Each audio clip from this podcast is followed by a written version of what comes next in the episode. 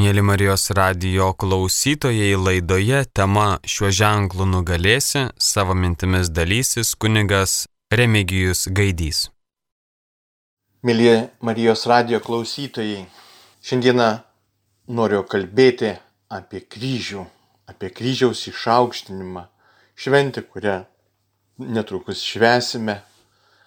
Ir ką tai reiškia mūsų gyvenime - kryžius. Prieš keletą metų sutikau vieną vyrą, ant kurio kaklo pastebėjau stambę auksinę grandinėlę. Kažkaip spontaniškai paklausiau, iš ko pagamintas kryželis. Nesimato per baltinius. Šis išdidžiai atsakė, čia tik auksinė grandinėlė, kurią man padovanojo draugė, o kryželio nėra, todėl ir nenešioju. Maniau, kad jis galbūt yra tikintis, tačiau pasirodė, kad ne visai. Kryžius yra pergalės ženklas. Šiuo ženklu nugalėsi, In hoc signo vinces šie žodžiai siejami su Eusebijaus Cezariečio užrašyta legenda, aprašančia Romos imperatoriaus Konstantino atsivertimo istoriją. Legenda byloja, kad itin reikšmingo mūšio 312 metais spalio 28 dieną prie Milvijano tilto išvakarėse Konstantinas danguje išvydo švytinti kryžių ir aplink jį graikų ar lotynų kalba užrašytus žodžius, kuriuos suprato taip - šiuo ženklu nugalėsi. Šios vizijos ištiktas Konstantinas įsakė savo kariuomenės karius paženklinti kryžiumi skydus. Pergalė prieš varžovą Maksentijų priskiriama būtent šiam ženklui. Legenda toliau byloja apie politinės peripetijas ir stebuklingą pergalę juose lėmusi ir krikščionybės įteisinimą 313 m. Milano ediktu. Tačiau daug svarbiau turbūt atrasti, kad šį ženklą stebuklingai nugalėjo ir paties imperatoriaus Konstantino vidinės širdies kovas. Kryžiaus ženklo dėka jis atsivertė ir pasikrikštijo. Tikėjimas Kristumi esminis jo laimėjimas paties Dievo dovanotas. Ši legenda tapo ir daug gilesnės dvasinės tikrovės atspindžių, kovoje prieš blogį apskritai. Juk pergalė priskiriama Kristui ir jo sumokėtai kainai, kryžiaus aukai. Būtent tai aktualu ir mūsų laikų žmogui - atrasti kryžių. Jo pasikliaujant įveikti savo pačių vidinės kovas prieš blogį, prieš nuodėmę. Vargu rasime bent jau Lietuvoje tą, kuriam būtų nežinoma kryžiaus simbolika.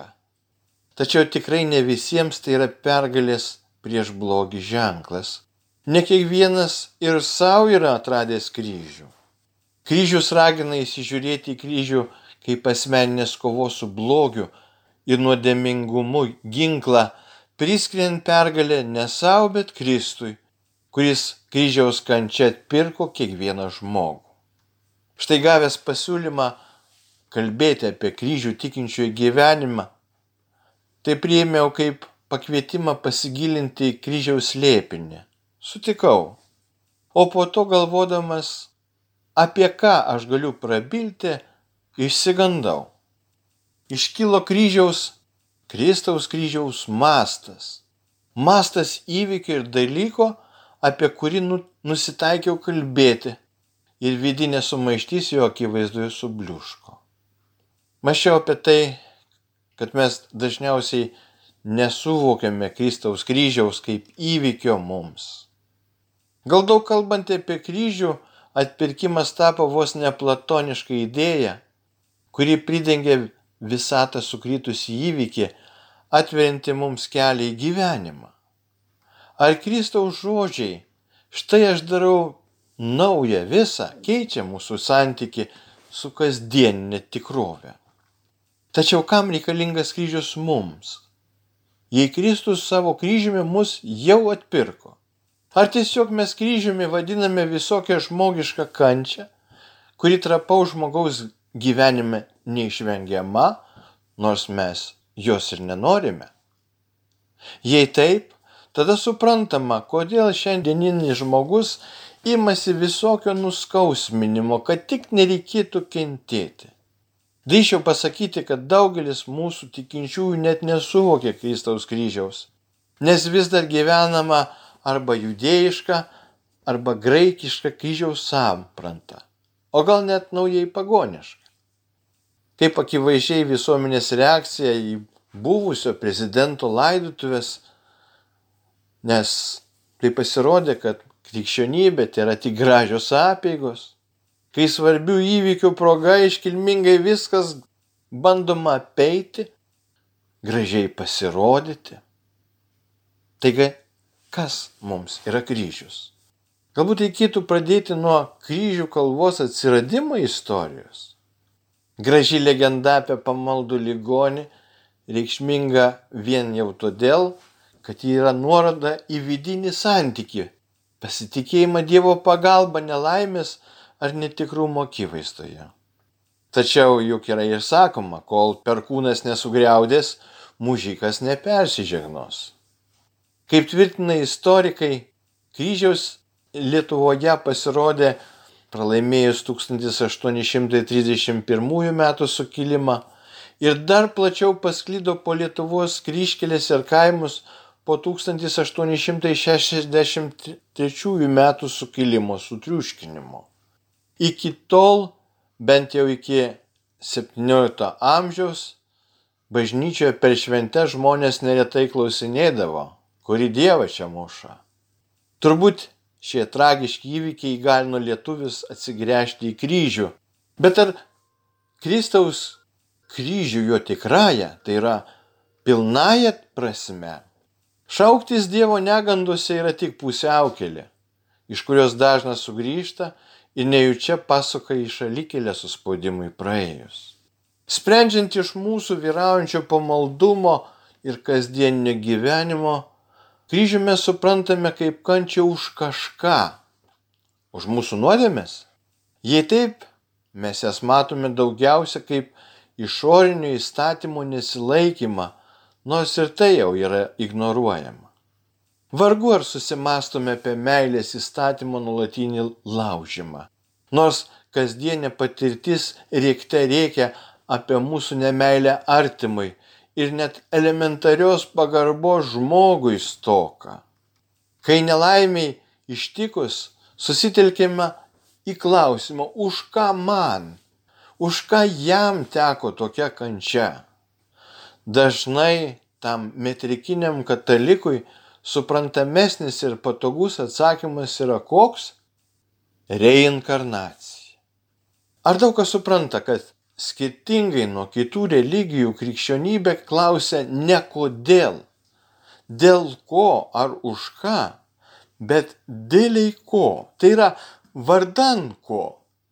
Ar neiškalbingas yra tas evangelinis pasakojimas apie neregio išgydymą kai mokiniai pamatę akląjį teiraujasi, rabi, kas nusidėjo, jis pats ar jo tėvai, kad gimė neregys. Jėzus atsako, ne jis nenusidėjo, ne jo tėvai, bet jame turi apsireikšti Dievo darbai. Taigi, ar nėra taip, kad nukryžiuotą į Jėzų vis dar suprantame pagoniškai? Arba pusiau judėjiškai, kaip Dievo pasirinktą atpirkimo ožį kabutėse, o kryžių kaip gėdos atmetimo pralaimėjimo ženklą. Ar mūsų laiko žmonėms suprantama, jog Dievo sūnus priėmė žmogišką prigimtį, tai yra kūną tam, kad nuodėmė būtų nuteista kūne kaip žmogiškoje tikrovėje. O Dievo rūstybė nuo kurios mus užstoti prašome jo motinos, švenčiausias mergelės Marijos, mums reiškia ką? Jo negailestingumą mums, nusidėlėms, ar rūstybę nuodėmės tikroviai mumise, rūstybę, kuri panaikina visą pasaulio neteisingumą, kad visą Dievo teisumą padarytų prieinamą nusidėliui. Tik Jėzus Tik Jėzus Dievas galėjo iškesti tą žmogiškojo ne bedugne, kuriuo jis atsako į Dievo meilę ir mus gražinti į gyvenimą su tėvu šventoje dvasioje. Bet trejybės lėpinio Kristaus kryžius vargiai yra suvokiamas. O mes? Gal net Jėzaus Dievo Sūnaus Dievu nelaikome? Taigi į ką mes tikime? Gal net klausimas pernelik sunkus, nes ko gero dar esame Jėzaus mokinių tikėjimų kelionės pirmajame etape. Didžiojo penktadienio patirtis pažįstama, bet prisikėlimas nemastomas.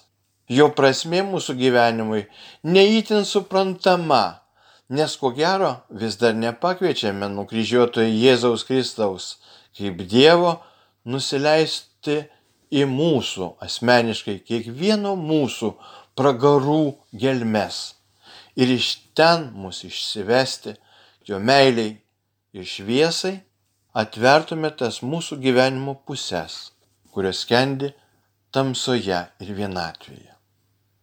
Tad kas tas kryžius? Vienas iš arhaiškų simbolių. Kai sakome, pavyzdžiui, kad žmogui teko sunkus kryžius, Greičiausiai kalbame apie sunkę gyvenimo naštą, nes kol esame pasaulyje, kai bažnyčios išorėje mes nešame savo ir vienas kito naštas. Tačiau kryžių, kuris mus gali perkeisti, mes priimame bažnyčioje.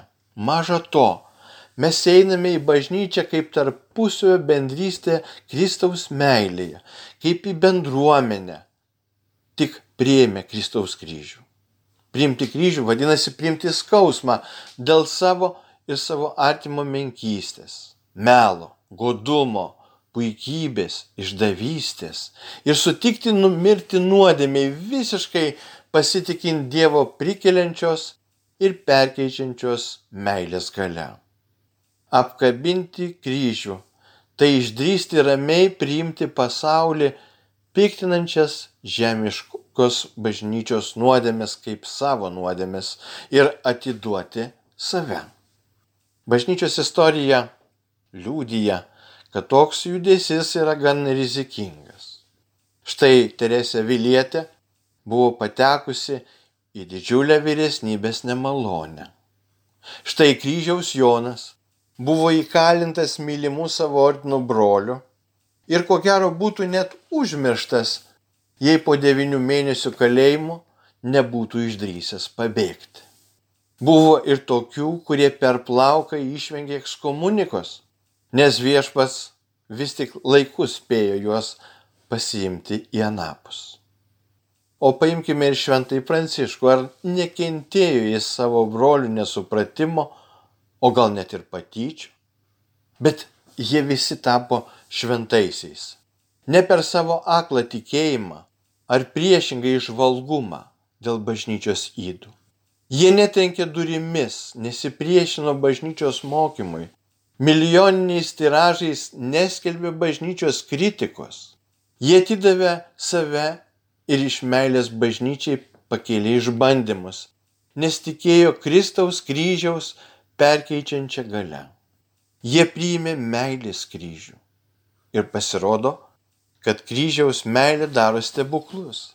Šventieji vis iš naujo apvalo bažnyčią, kurią mūsų nemilinčiųjų ar mažai mylinčiųjų nuodėmingumas nuolat užteršia. Taigi tapti tikinčiu, tapti krikščionimi reiškia priimti kryžių. Kaip sako Hansas Urs von Baltazaras, krikščionių tikėjimo turinį sudaro tai, kad nusidėjėlis kabo ant Kristaus kryžiaus kaip nusidėjėlis. Realiai kabo, o ne apibrieštai atstovaujamas taip, kad Kristus miršta dėl mano nuodėmės. Tuo tarpu aš per jį šioje mirtyje iš Dievo meilės gimstu gyvenimui. Manyje ir per mane kenčia Kristus. Tad mes nešame ne savo kančias, bet savo kūnę nešame Jėzaus merdėjimą, kad ne mūsų, bet Jėzaus gyvybė apsireikštų mūsų kūne. Kančia, sako Baltazaras, kuri patiriama kaip mano kančia, taip pat nėra mano kaip krikščionio nusavybė, bet tik dovana, kurią aš per bažnyčią turiu perduoti tikrajam savininkui. Tikrovė būti nukryžiuotam kartu su Kristumi yra pirmesnė už mūsų subjektyvų kančios patyrimą, nes jau glūdi mūsų krikšto slėpinyje. Ir taip pat Euharistijoje. Joje priimdami jo kūną ir kraują mes tampame vieną jame, kartu tapdami indais, kuriuose ir per kuriuos, kaip savo kūno narius, jis gali priimti pasaulio kančią. Ta yra pašlas Paulius atpažįsta, sakydamas, dabar aš džiaugiuosi savo kentėjimais už jūs ir savo kūnę papildau, ko dar trūksta Kristaus vargams dėl jo kūno, kuris yra bažnyčia. Kryžiumi, kaip sako Baltazaras, pats Dievas gelbsti pasaulį objektyviai nepriklausomai nuo visokios paskesnės žmogiškosios nuomonės. Pirmoji bažnyčia kryžiuje matė solidarumą, tiesimas į visas keturias pasaulio šalis, ištiestas rankas siekiančias visus apkabinti. Kaip sakoma Didachėje, kryžius yra testinumo ženklas, bet taip pat plačiai apriepti gali tik tai Dievas. Tai jis ištiesė ant kryžiaus savo rankas, kad apkabintų pasaulio ribas, sakė Kirilas Jeruzalietis. Šventasis Pranciškus troško Dievo meilėje apglėpti visą kūrinyje ir tą visai liūdyti. Šis troškimas buvo toks stiprus, kad jis norėjo supanašyti su Jėzumi jo kryžiaus meilės patirtyje ir ką jam ir dovanojo Lavernos įvykis. Apsisprendimas sekti Kristų neretai žymimas įrėžiant kryžiaus ženklą akmenyje tą padarė ir šventasis Antanas Paduvietis, nes kryžius įspaustas į akmenį žymi galybę Dievo, kuris duoda malonę su kaupu tam, kuris atsiduoda jam.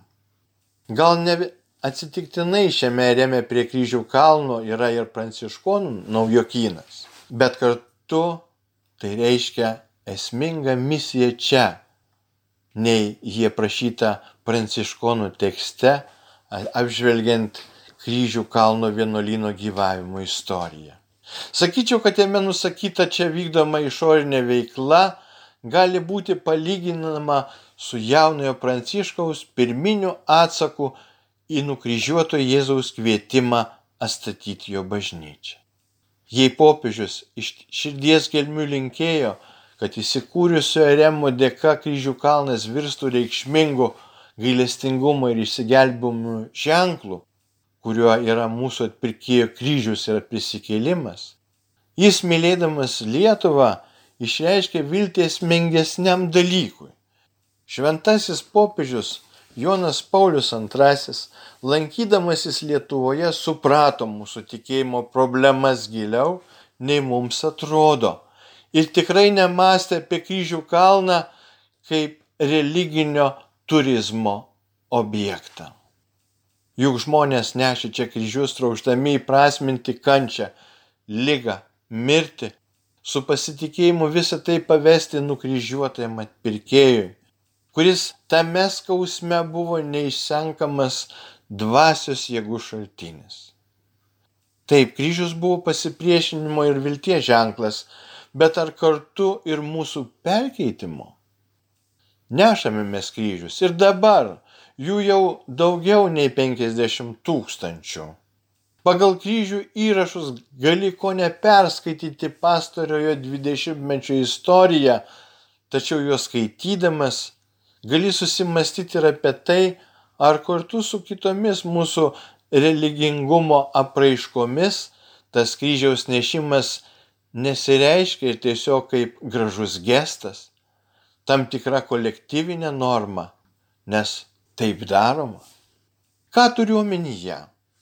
Ne vienas atvykęs svečias, taip pat ir Jonas Paulius II buvo paliesti lietuvių reakcijos per liturginės apeigas, per šventes, jų vidinio suklusimo, susitelkimo, tam tikro dvasios nuščiuvimo, kartu su giliu savo vargonumu, išgyvenimu, kas ženklina širdies atvirumą Dievui. Tačiau yra svarbiau ne tai, kokie esame, bet kam apsisprendžiame. nes būtent tai nukreipia mūsų gyvenimą ir būtina atsakomybė.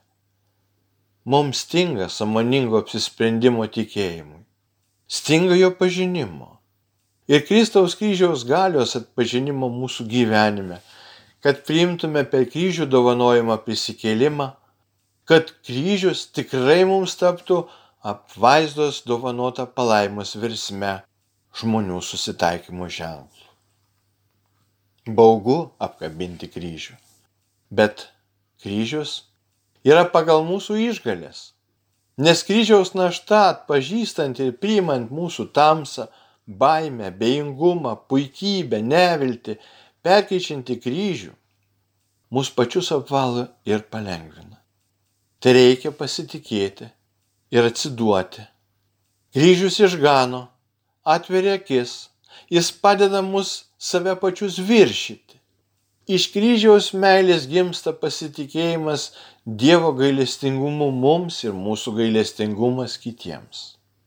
Iš Kristaus kryžiaus aukos gimsta mūsų tarpusavio bendrystė ir bendravimas Dievo dvasioje, kurio taip trokštame, taip kasdien atkimdoma bažnyčia.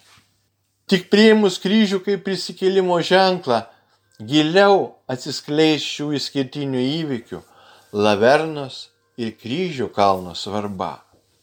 Jų kalnas tai susitikimo su Dievu vieta. Tik tam yra prasminga, kad visa žmonija, visi Europos gyventojai, anot popiežiaus laišką mažesniųjų brolių ordino vyresniajam, leistųsi piligriminės kelionės į vietas, paženklintas kryžiaus slėpiniu, įdant žmogus samoningai apmastęs mūsų viešpaties kančiai mirti ir prisikėlimą, atsiskleistų atsivertimo maloniai.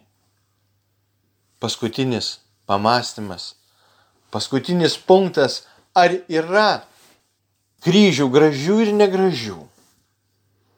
Materialiai žiūrint, taip. Štai tą patį kryžiaus kalną. Kiekvieną kryžių atneša savitas žmogus. Vieni nori toje šventovėje save įsiamžinti. Stato kuo arčiau viešų takų granito kryžių su nedylančiai įrašyta savo pavardę. Kiti kalne padaro ir pastato kryželius iš degtukų ar trintukų. Bet Dievas mato visus vienodai ir yra amžinesnis už bet kokią materiją. Pati kryžiaus vertė yra jo ženklas.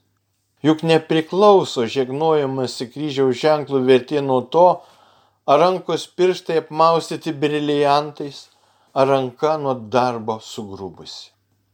Pirmiausia, kryžiaus grožis yra jausme ir jo raiškoje.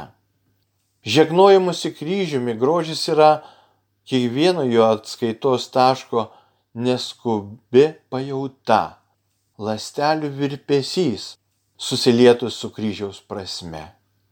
Jis netiek matomas, kiek jaučiamas. Tad jei kryžiaus išorės grožis yra antrailis dalykas, Tūlas galėtų pasakyti, o kam puošiamos ir gražinamos meno kūriniais bažnyčios? Tokį klausimą tenka dažnai išgirsti. Tada pašnekovo klausiu. O jei pats įmi iš banko paskolą ir nusprendi jos nebegražinti, tai ar dora, normalu ir gražu? Aišku, kad ne.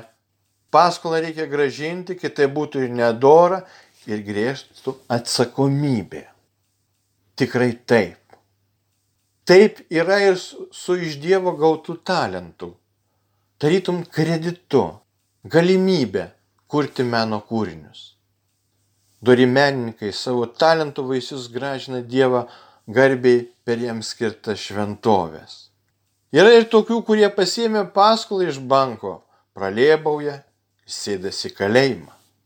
Bet juk Dievas davė žmogui laisvę būti pačiam atsakingu už savo sąmonės padarinius. Laisvai žmonėmis jis džiaugiasi, o nelaisvi patys sėdasi kalėjimus ir piktinasi turtinga bažnyčia. Nuolatiniu piktinimusi dar gadina ir savo sveikatą. Tik iš to materialistinio taško žvelgiant, visur matomas vien materialus turtas ir pinigai. Bet norint pajausti dvasinį grožį, šiandieną reikia pakelti akis ir surasti savo namuose kryžių. Kryžių, kuris pakabintas ir laukia tavo prieimo prie jo. Mėlyjeji laidoje kalbėjo kunigas Remigijus Gaidys tema Šiuo ženklu nugalėsi. Likite su Marijos radijumi.